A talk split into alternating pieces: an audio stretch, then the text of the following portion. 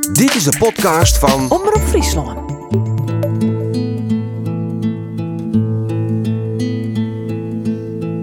Fijne Facebook-vrienden. Zoals jullie waarschijnlijk wel weten, staat ons leventje sinds september 2020 volledig op zijn kop.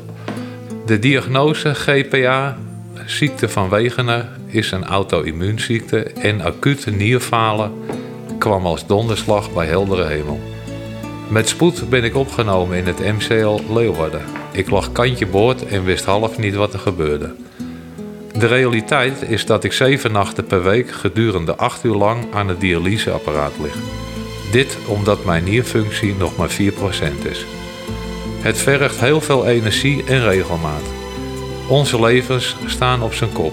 We doen er alles voor om alles weer bij het oude te krijgen. Maar dat kan alleen als ik van een lief persoon een donornier krijg. Mocht ik een nier gedoneerd krijgen, zal ik de gelukkigste Kees alle tijden zijn. Dan kan ik weer aan het werk en me een volwaardig man voelen.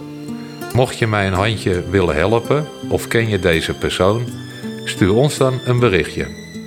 Ik blijf positief en zet door, maar soms vergaat ook mij het lachen, terwijl iedereen weet dat ik juist bekend stond om mijn humor en dom kijken.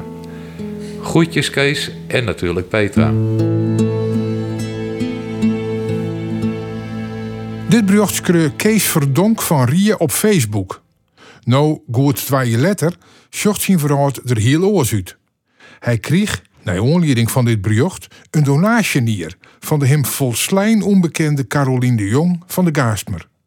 Ik zocht ze op in Rie dat ze er krek even met de hoen op uitweerden. Nou, goedemiddag. Nou, dan lekker even samen op uit. Hoi, ik ben René. Carolien, Kees, Hoi. het was zo lekker. Ik zei, we moeten even vitamine D ophalen. Alsjeblieft, ja. Het is toch prachtig. Ja, mooi hè, dat jonge geword. Ja. Nou, ik jij dat eh, Kees aan de telefoon is. Dus eh, Ja, welkom, Stitter. Op het door. zo is het. Doe maar net alsof ik thuis ben. Nou ja, in zekere zin best dat ik, hè? Een pad van die wennetje, Rick. Ja, echt hoor. Zo is het ook, hè. Wilt u koffie? Nou, lekker. Ja? Zal ik hier zitten, Kees? Ja, je mag zitten waar je wilt. Kijk maar. Kees, wat wen is hier mooi, jongen. Dit is, ja, Ja, toch? aan de van het dorp. Uitzicht hoe het, hoe het veld. Ja, dit is een oude stal eh, zelfs. eh, Oké. Dit is van 1896, eh, heb ik gehoord.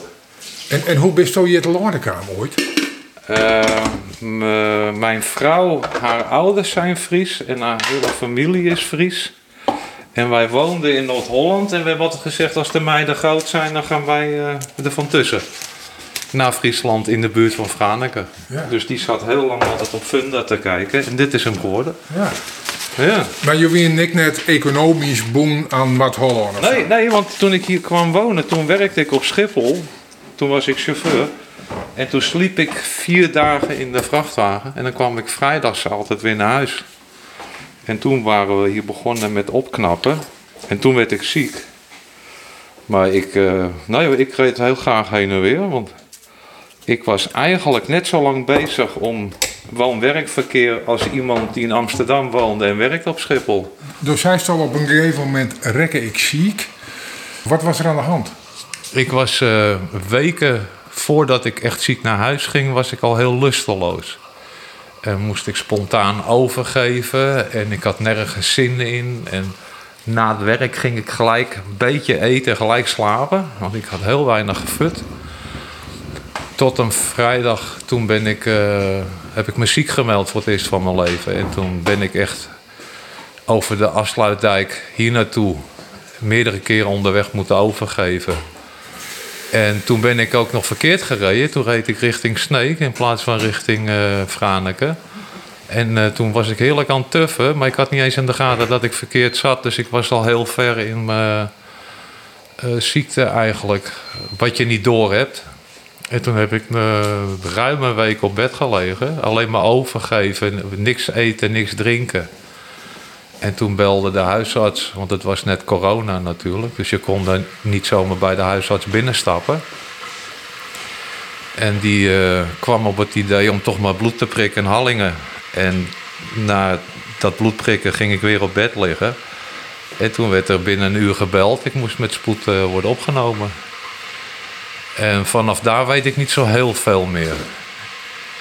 Want eh, Petra die heeft zeg maar alles eh, met artsen en doktoren besproken. Ik wist echt totaal niet wat er aan de hand was.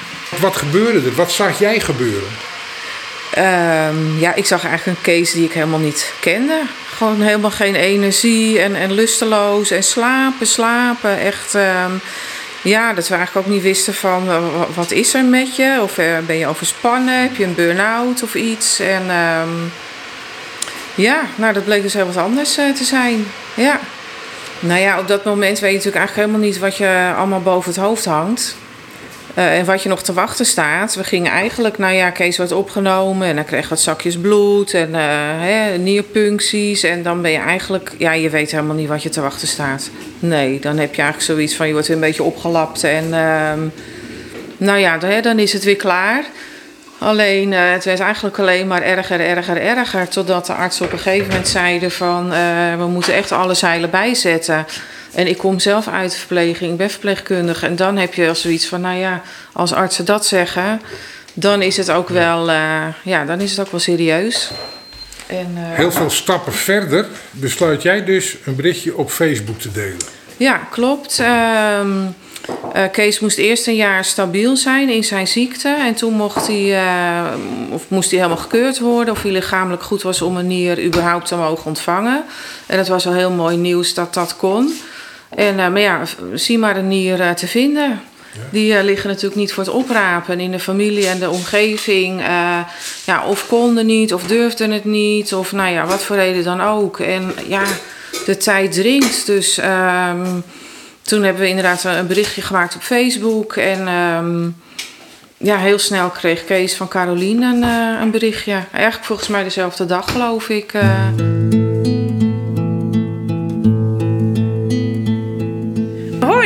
Ik kwam jullie berichtje tegen op Facebook. Wat heftig en wat voel ik me dankbaar dat ik zo'n gezond lichaam heb. Misschien kan ik wel helpen. Ik weet alleen mijn bloedgroep niet, geloof ik. Mocht je eens willen bellen, mijn nummer is. Over mij. Ik ben Caroline Jong, 35 jaar en samen met mijn man woon ik op ons melkveebedrijf en heb ik een pensionstal voor paarden. Daarnaast ben ik hoefvelkapper voor paarden en ik ben een aangrijper, een levensgenieter, een optimist en ik deel graag met anderen. Mijn man heeft twee kinderen van 15 en 17 en we zijn in het proces om pleeggezin te worden. Super gaaf. Zelf heb ik geen kinderwens meer. Schroom niet om contact met me op te nemen alsjeblieft. En een warme groet en alle goeds voor jullie allemaal. Carolien. Ik dacht dat ik er iets langer over had gedaan, maar schijnbaar heb ik meteen dezelfde avond al gereageerd. Omdat ik ook heel gauw besefte, als, ik, eh, als we het alleen maar wensen, dan is dat het. Hè? Als een, wens is geen actie.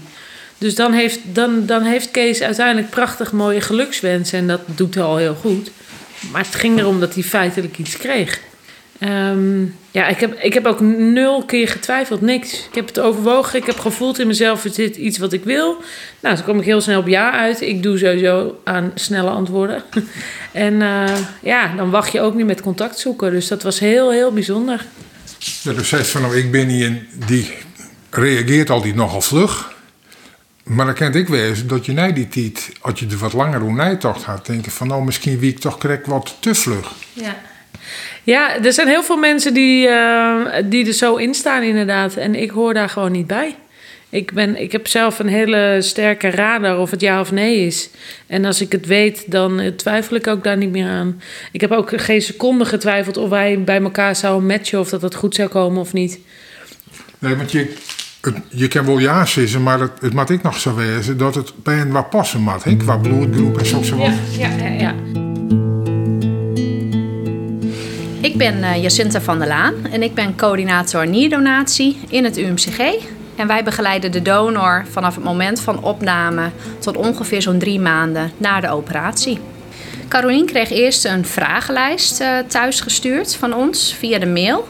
Ehm, dat kan per post en via de mail. En die krijgen we dan weer retour. En dan in die vragenlijst hebben wij een aantal Uh, we begeleiden de mail bij gedaan met waar eigenlijk een donor al een beetje aan moet voldoen. En in die vragenlijst willen wij graag wat meer weten over iemands achtergrond. Zowel de medische achtergrond, sociale achtergrond, uh, klein stukje familieanamnese. Wat komt er veel voor in de familie? En naar aanleiding van die ontvangen uh, vragenlijsten neem ik, nam ik contact op met Carolien. En heb ik met haar dus een kennismakingsgesprek gepland. Dat vindt hier plaats in het UMCG. En dat is een, gesprek van een uur, waarbij wij um, eigenlijk alles vertellen over het traject. Maar waarbij we ook echt gaan kijken van ja, wie is de donor, met wat voor motivatie wil die doneren, wat is het contact met de ontvanger, wat is hun relatie. Uh, en wat voor effect zou nou eigenlijk het hele traject hebben, een donortraject, over op, over op iemands leven. En daar passen wij ons verhaal dan op aan. Je noemde eerder al van, wij kijken, want daar komt het uiteindelijk op neer, of het matcht. Ja. Uh, in medische zin, waar, waar kan zo'n match mislukken? Heeft het bijvoorbeeld met bloed, bloedgroep te maken? Ja, dat kan. Um, je kan in medische zin qua match mislukken, kan inderdaad door een bloedgroep die niet overeenkomt. Um, tegenwoordig kan je wel ook over de bloedgroep heen transplanteren. Nou, dat is medisch inhoudelijk gaat best wel ver, maar dat is mogelijk als de ontvanger niet heel veel antistoffen maakt tegen de bloedgroep van de donor. Um, en het kan ook niet goed gaan um, als een kruisproef. En dan hebben we het dus over de weefseltypering. Dat is nog weer iets anders dan de bloedgroep. Als dat niet goed gaat, dus als de um, ontvanger, in dit geval Kees, antistoffen had gemaakt tegen het bloed van Carolien, dan kan het ook niet matchen.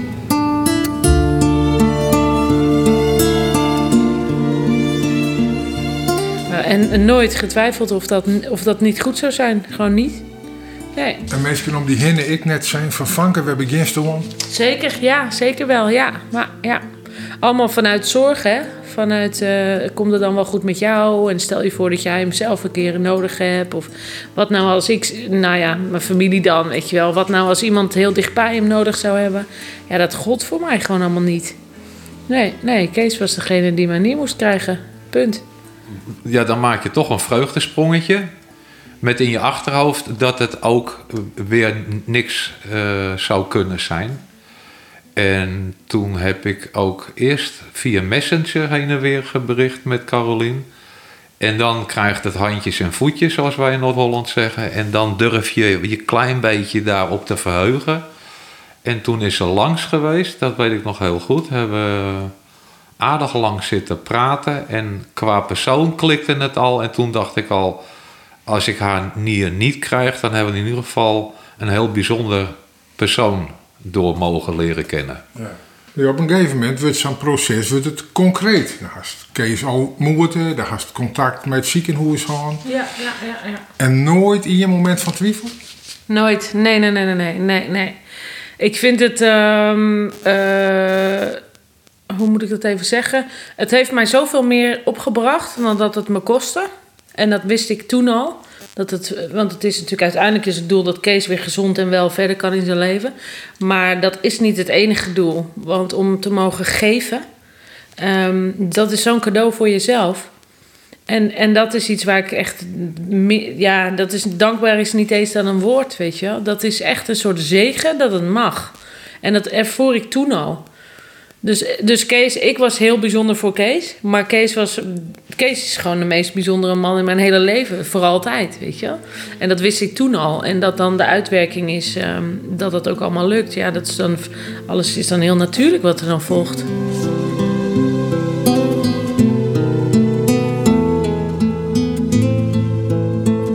Wat zijn de risico's voor degene die bij leven een nier doneert?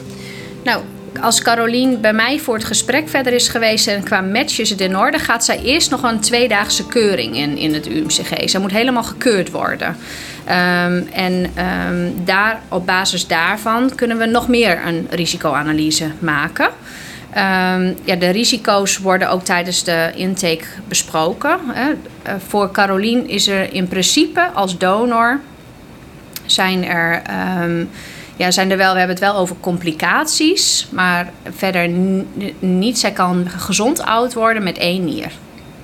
Maar het is toch wel een ook voor haar pittige operatie. Klopt. En dan hebben we het dus eerder over complicaties. En dan hebben we het over de standaard complicaties bij operaties. Zoals een bloedingsgevaar of een uh, gevaar voor een infectie. Um, ja, daarbij uh, we horen van donoren wel eens terug dat ze last hebben van vermoeidheid op de lange termijn, maar ook op de korte termijn. Pijn is natuurlijk een complicatie. En er zijn, kijk, er zijn risico's gebonden. Um, maar die risico's proberen wij wel zo klein mogelijk te houden. Dus, dus, dus van tevoren de mensen heel goed te keuren. En ook nou, zo'n familieanamnese. Komt er veel kanker voor in de familie? Hoe is het gewicht? hebben ze last van een hoge bloeddruk? Is er een kans op suikerziekte? Dat zijn allemaal risico's die wij proberen van tevoren um, ja, zo, zo, zo klein mogelijk te maken. Om daar naar te kijken. Uh, maar helaas hebben wij natuurlijk ook geen glazen bol. Uh, dus ja, sommige risico's kunnen wij ook niet van tevoren voorzien. Ja, in het, het ziekenhuis is gewoon heel voorzichtig. Want ze moeten zeker weten dat je er 100% achter staat. Want dat zegt de chirurg ook. ik ga snijden in een gezond lichaam. Ze maken eigenlijk mij tijdelijk ziek. Dat is moreel ook echt een, of het is ethisch een heel grote kwestie voor zo'n team, weet je. Dus je wordt super begeleid en elke twee weken belt er iemand. En dan is het ook heel open van, nou ja, mocht je het toch niet willen, is ook prima, weet je. Alles ligt open en dat is een hele fijne sfeer waarin je echt kan volgen van wat is er goed voor mij en wat wil ik en wat heb ik hierin nodig. Um, maar ja, ik zei alleen maar de hele tijd, ja, dit, dit doen we. Dus, dus ga het maar lekker in gang zetten. En toen zei ze, het klikte mij Kees. Wie dat voor ik een voorwaarde? Dat nog een hele vervelende vent hier. Dat is helemaal geen klik mee hier. Hier het dan net meer in? Nou, ik durf wel van mezelf te zeggen dat ik dol ben op de mensheid aan zich. Dus ik weet zeker dat ik dat met iedereen had gered. Maar dat Kees degene is die dan ook relatief dicht bij mij in de buurt woonde ook. Hè, en samen vanuit Noord-Holland naar Friesland geëmigreerd. En um, ja, dat Kees dat was, is natuurlijk uh, super bijzonder en heel uniek. En wat we nu hebben, ja, dat is ook heel, heel, heel waardevol maandag mochten we ons beiden melden. Hebben we, ons, hebben we elkaar ook nog gezien in het ziekenhuis. Dan krijg je allemaal vooronderzoeken. Dus dan doen ze bij mij nog een keer een bloedonderzoek. En, en je mag dus als donor tot op de operatietafel ook zeggen: ik, ik doe het niet. Dus echt tot je onder narcose gaat, heb je gewoon die keuze. En dat is wel heel belangrijk om te weten dat je altijd vrije keuze hebt. Uh, en Kees moest toen nog uh, onderzoeken doen. Maandag voor het laatst dialyseren. Dus wij, mijn moeder was mee en Peter was mee. Uh, dus wij zijn maandag bij de allerlaatste keer dialyseren voor Kees geweest. Ja, dat was ook weer zo bijzonder, want dat is gewoon het afsluiten van een mega onderdeel van je leven natuurlijk. En toen dinsdagochtend uh, werd ik opgehaald en ik was, ja, ik voelde me gewoon heel erg opgewekt, want ik, ik had er zo'n zin in voor, voor Kees en ook, ik, was, ik ben een heel nieuwsgierig mens. Dus ik wil dan ook allemaal weten hoe dat allemaal gaat. Dus in de OK, OK uh, alle chirurgen gevraagd of ze wel goed hadden geslapen en of ze blij waren en of ze er net zo'n zin in hadden als ik. Want ja, normaal zien zijn natuurlijk zieke mensen liggen daar en, en ik blakend van gezondheid. Want ik ben dus officieel heel erg gezond verklaard. Dat gebeurt er in zo'n proces. Dan krijg je een APK voor jezelf. Dus dat is aan alle kanten heel gaaf. Dus toen is die. Um, Nee, toen ging ik onder zeil en uh, ik was nooit eerder geopereerd, dus ik vond het wel een beetje spannend. Dat loslaten van die controle. Maar je bent in Groningen gewoon in zulke goede handen. Dat staat ook Europees gezien, is Groningen wel echt waar je wilt zijn. Um, dus toen hebben ze me s ochtends bij mij uitgehaald. En dan leggen ze die nier eerst op ijs. Het was mijn rechter nier. Uh, voordat ze hem op ijs leggen, de operatie, zeg maar, ze maken een buikwond en dan blazen ze je op met een gas. En ik zei tegen die chirurg, je moet echt even een foto maken of zo. Want ik wil echt weten hoe dat eruit zag. Hij zei, nou dat weet ik niet of we dat gaan doen. Maar wie weet. Ehm, en toen hebben ze in mijn lichaam foto's gemaakt van mijn nier. Want ik dacht, ik heb één keer de kans om mijn orgaan te zien. Die mag ik natuurlijk niet laten lopen. Ehm, en dan maken ze dus sneden in je buik en blazen ze je op met dat gas... waardoor er ruimte is voor je voor je andere organen. En dan gaan ze met de hand, gaat de chirurg jouw nier dus ophalen. Dus die zit gewoon tot aan zijn elleboog in jouw buikholte. Wat ik, waar ik natuurlijk ook wel een semi-schunnige opmerking even over moest maken. Dat hij volledig in mijn snee had gezeten. Kon hij heel hard om lachen trouwens. Ehm, en dan, ja, dan halen ze me gewoon met de hand uit. Dus ook die handen van die chirurg heb ik ook gefotografeerd. Want daar lag mijn orgaan in, weet je wel. Ik was totaal gefascineerd door alles wat er gebeurde. En dan leggen ze me op ijs. En dan word ik wakker, of toen werd ik wakker en brachten ze Kees onder zeil. En toen is hij er eh, binnen een paar uur, uh, zetten ze me dan in.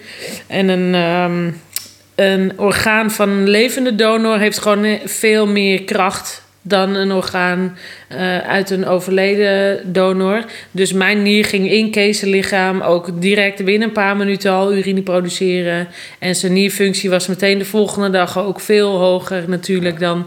Volgens mij was het al wel 65 of zo, ja. of 70. Ja. Terwijl hij de dag ervoor 4 had. Ja, dat is natuurlijk onwaarschijnlijk. En mijn andere nier nam dat prima over. Um, en toen heb ik je, denk ik, de dag van de operatie s'avonds nog niet gezien. Want ik, ik, heb, maar ik heb ook geen herinneringen daaraan. Want dan zit je helemaal onder de morfine ook. En dat is allemaal langs me heen gegaan, dat stukje daarna. Maar toen de volgende dag heb ik je volgens mij ben ik uh, met mijn moeder met een rolstoel naar je toe gerold. Want hij lag aan de andere kant van het ziekenhuis. Ja, en dan, dan, dan ben je daar en dan is het gewoon goed, hè? Dan uh, niks meer aan doen. Dat was heel bijzonder. Het was ook heel soort van ontspannen van... hé, hey, hey, nou, hoe is het? Ja. Maar ja, precies. Maar een soort van... mijn orgaan zit nu wel in jouw lichaam. Jeetje, Mina. Dus ik heb heel vaak zitten staren. Ook zo, is dit echt zo? Ja, het is echt zo, hè? Ja, dat is zo gaaf. Dat is... Uh, ja, alsof je over het randje van een achtbaan gaat. De hele tijd dat... Uh, dat gevoel. Dus dat is super gaaf. Super gaaf. En toen mocht ik drie dagen moest ik nog blijven. Hè? Dan gaan ze al mijn functies onderzoeken. Ze laten je echt pas gaan. Dat ze zeker weten dat je nier die achterblijft het goed doet. En dat je, uh, dat je gewoon gezond plast. En dat je kan eten en niet meer misselijk bent. En toen ben ik dus uh, uh, vrijdag ontslagen. En Kees al de maandag erop. Ja. Dat was hartstikke snel. Nog niet eens een week in het ziekenhuis. Ja, en dan ben je thuis en dan, dan ja, dat, dat is het dan. En hoe lang duurt het dan totdat je echt weer de oude bent? Nou, bij mij duurde het vrij lang, want echt mijn buikspieren uh, hadden wel een aardige knauw gekregen. En ik kreeg een longontsteking omdat ik niet goed kon hoesten. Dus ik kan stellen dat ik ongeveer drie weken echt me niet goed heb gevoeld. Maar ook weer beseffend van, maar dit is gewoon een korte fase. Kees is net 2,5 jaar ziek geweest. Kom op, die drie weken. En je laat je lekker in de watten leggen. En uh, het is kerst, dus dan heb je ook uh, een feestmaal uh, erbij natuurlijk. dus ik denk drie, vier weken. Maar ik ging meteen wandelen en uiteindelijk ook gauw fietsen. En, en wat, wat fitnessdingetjes thuis, zeg maar. En toen na zes weken, toen, toen was ik er wel echt weer. Alleen ik doe heel zwaar werk als hoefbekapper voor paarden. Dus dat, uh, daar heb ik uh, tien weken voor genomen. Uh, omdat je dan de hele tijd bukt en hurkt en alles. Ja. Ja. Um, maar ik, kan, ik durf veilig te zeggen dat je na zes weken eigenlijk wel weer daar bent. Net zo ver bent als voor de operatie. Is er ook wel eens een moment dat hij misschien een beetje schuldig viel, omdat je zorgt naar de, de ranglijst en de volgorde van de mensen op de wachtlijst, dat is eigenlijk nog net aan de beurt geweest? Ja, eigenlijk wel. Want voor mijn gevoel heb ik niet zo heel lang moeten wachten of ploeteren. Of, ik heb wel heel veel meegemaakt medisch.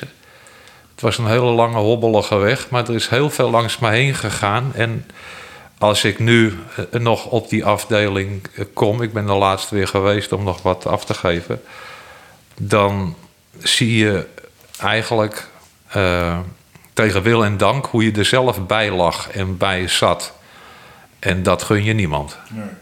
Dat besef is heel duidelijk als ik daar uh, dus als getransplanteerde rondloop. Hè, want ik kan weer plassen, ik, ik, ik kan weer lang wandelen, ik kan weer wat klussen doen in en op het huis. Ik hoef niet drie keer per week naar het ziekenhuis. Ik hoef niet op het busje te wachten. Ik hoef niet uh, bijna 24-7 in de gaten gehouden te worden. Ik kan met een beperkt aantal medicijnen gewoon weer mijn leven oppakken. En daar ben ik natuurlijk super dankbaar voor. En dat gun ik elke patiënt die daar nog ligt.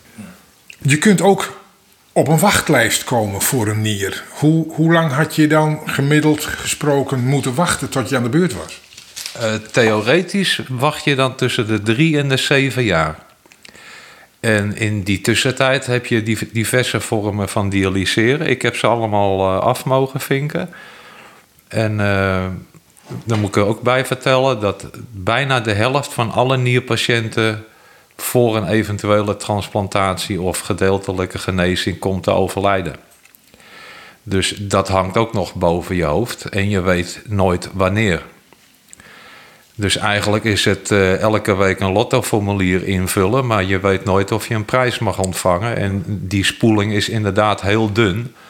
En wat ik ook heel belangrijk vind, uh, niet mezelf, maar wel alle uh, patiënten die nog in ziekenhuizen liggen op de dialyseafdeling, om die ook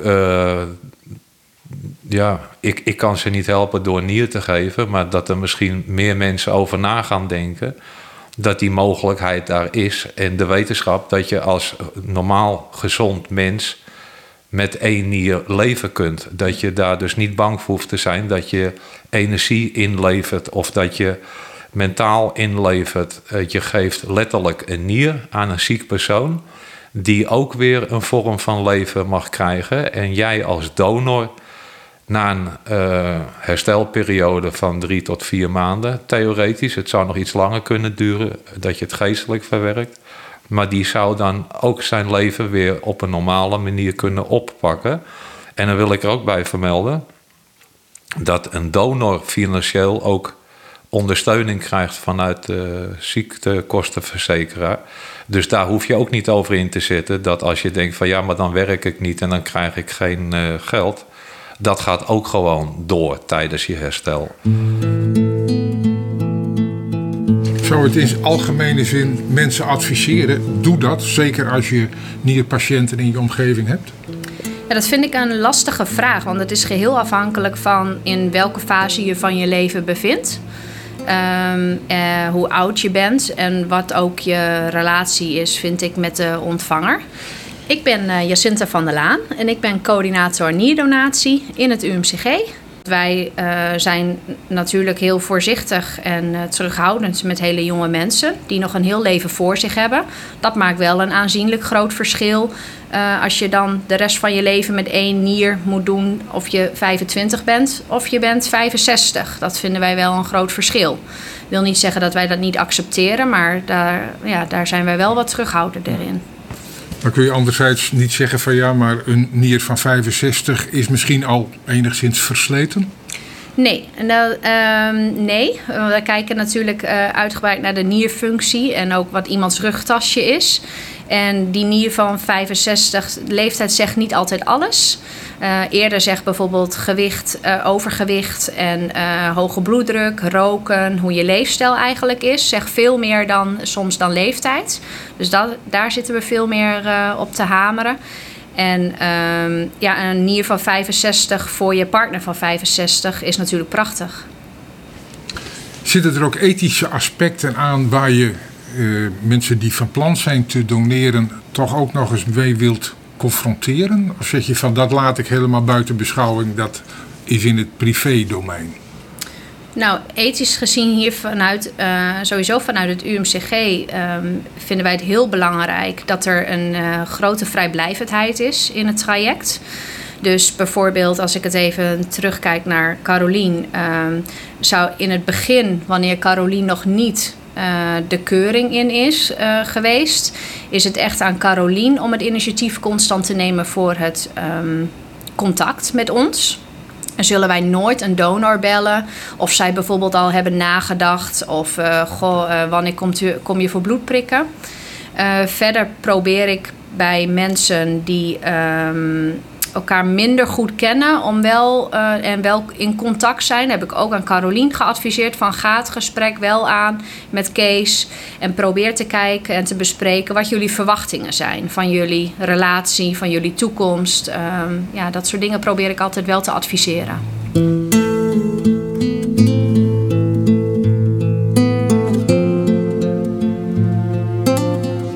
Zit Carolien ik Tom is eigenlijk de belangrijkste man in mijn leven. Uh, ja, dat uh, weet ik, dat ze dat zo ervaart. Maar dat is ook, uh, wederzijds is het ook een hele speciale band. Eigenlijk zou het andersom moeten zijn, theoretisch. Dat ik zou moeten zeggen, Carolien is voor mij de allerbelangrijkste. En dat is qua gezondheid en technisch is dat ook 100% zeker waar. Alleen had ik ook nooit gedacht dat diegene die mij een nier zou geven, mij als belangrijkste zou aanwijzen. Nee. Maar dat is een heel mooi gevoel, eh, kan ik je zeggen. Ja. Ja, ja daar, wordt de pater misschien ik nog wel een beetje jaloers van.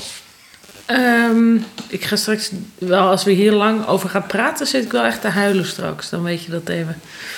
Want het is zo bijzonder dat we dat mogen ervaren samen. Dus, Ja. dus dat vliegt je af en toe gewoon nog even aan, hè? Ja, ja daar, daarom ook de vraag van, van, van kun je dat uitleggen wat je daarmee bedoelt en waar dat van komt? Nou, ehm, ehm, sowieso zie ik symbolen in alles. Kees heeft zelf geen kinderen. Ik heb zelf geen kinderen. Maar, ehm, en ik heb een keizersnee gehad. Ik heb iemand het leven gegeven. Dus eigenlijk plant ik me wel voort. Maar dan in de vorm van een 53-jarige man. Dat heeft gewoon, ook als vrouw en als, als moeder, ik, wel echt een waarde. Dat ik zelf geen biologische kinderen heb gebaard. Maar dat ik wel iemand het leven mocht geven. En dat, dat heeft echt een waarde die, die kun je niet goed omschrijven. En dat had ik denk ik ook niet ehm, van tevoren helemaal zo bedacht. Maar iedereen komt op je pad om een reden, weet je wel. En Kees hoort er daar gewoon te zijn. En ik heb zoveel geleerd hiervan. Dat de, fysiek, de fysieke ongemakken ook. En de tijd die je eraan spendeert. En, en dat valt allemaal niet bij wat het je oplevert. En dat, eh, ja, ik denk dat, dat je dit alleen maar kan ervaren. Of als je zelf kinderen hebt gekregen. Of als je zoiets dergelijks hebt gedaan.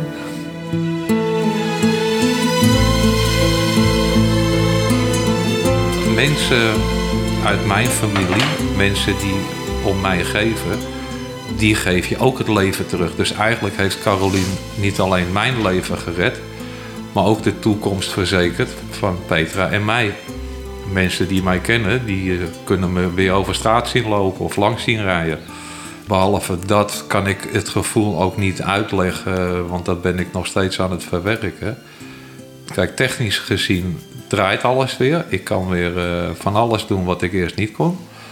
Maar in je hoofd zijn er dagelijks dingen die je te binnen schieten van... oh ja, dat kan ik ook weer. Oh, en ik kan ook eh, binnenkort een, nacht overnachten in een bed en breakfast. Dat was eerst ook onmogelijk. Ja, of je moest al die apparatuur meesjouwen. Maar ze geeft mij en ons zoveel letterlijk aan leven en levenskwaliteit erbij, bij die nier. Want die nier is maar 180 gram eh, orgaanvlees. Heel eh, kort door de bocht. Maar wat er omheen zit en wat je erbij krijgt, dat is eigenlijk de transplantatie. En als je zo'n klik hebt, emotioneel, maar ook nog eens qua eh, weefsel en bloed, om het even technisch te zeggen, de, de perfecte match, die hebben wij in alle opzichten. Dit is een succesverhaal, wat mensen dit nou jaren. Wat is je een watskip voor hun? Dat is echt een hele mooie vraag sowieso. Ehm, wat wij doen door er ook openlijk over te schrijven is om die angel van angst en van onwetendheid eruit te halen. Dat het gewoon een bespreekbaar onderwerp mag zijn. Dat het niet iets is dat omweven is door, oh maar stel je voor dat.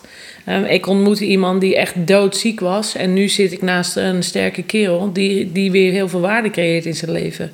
Ehm, dus ik wil eigenlijk dat hele mysterieuze eromheen gewoon een beetje weghalen. Dit is iets wat je kan doen voor een ander en het hoeft niet.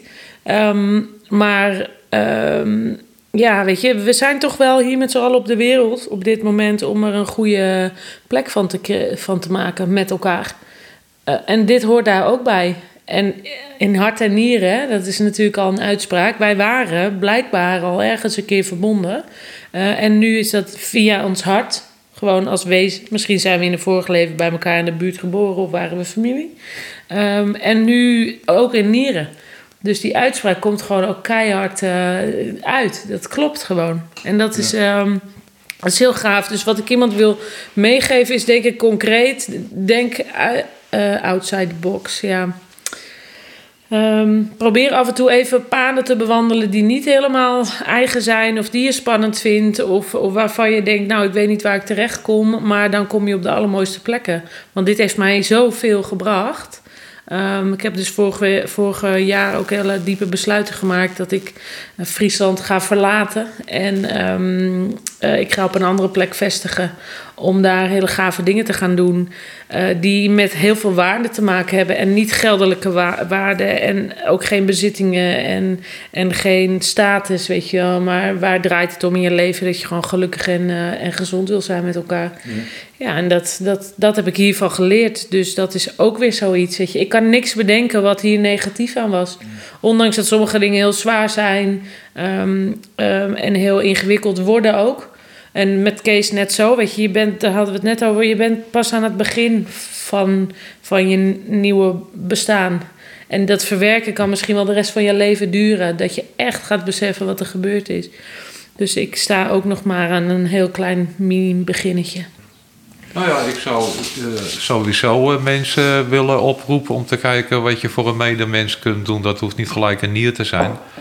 Dat kan ook in de vorm van naar elkaar omkijken.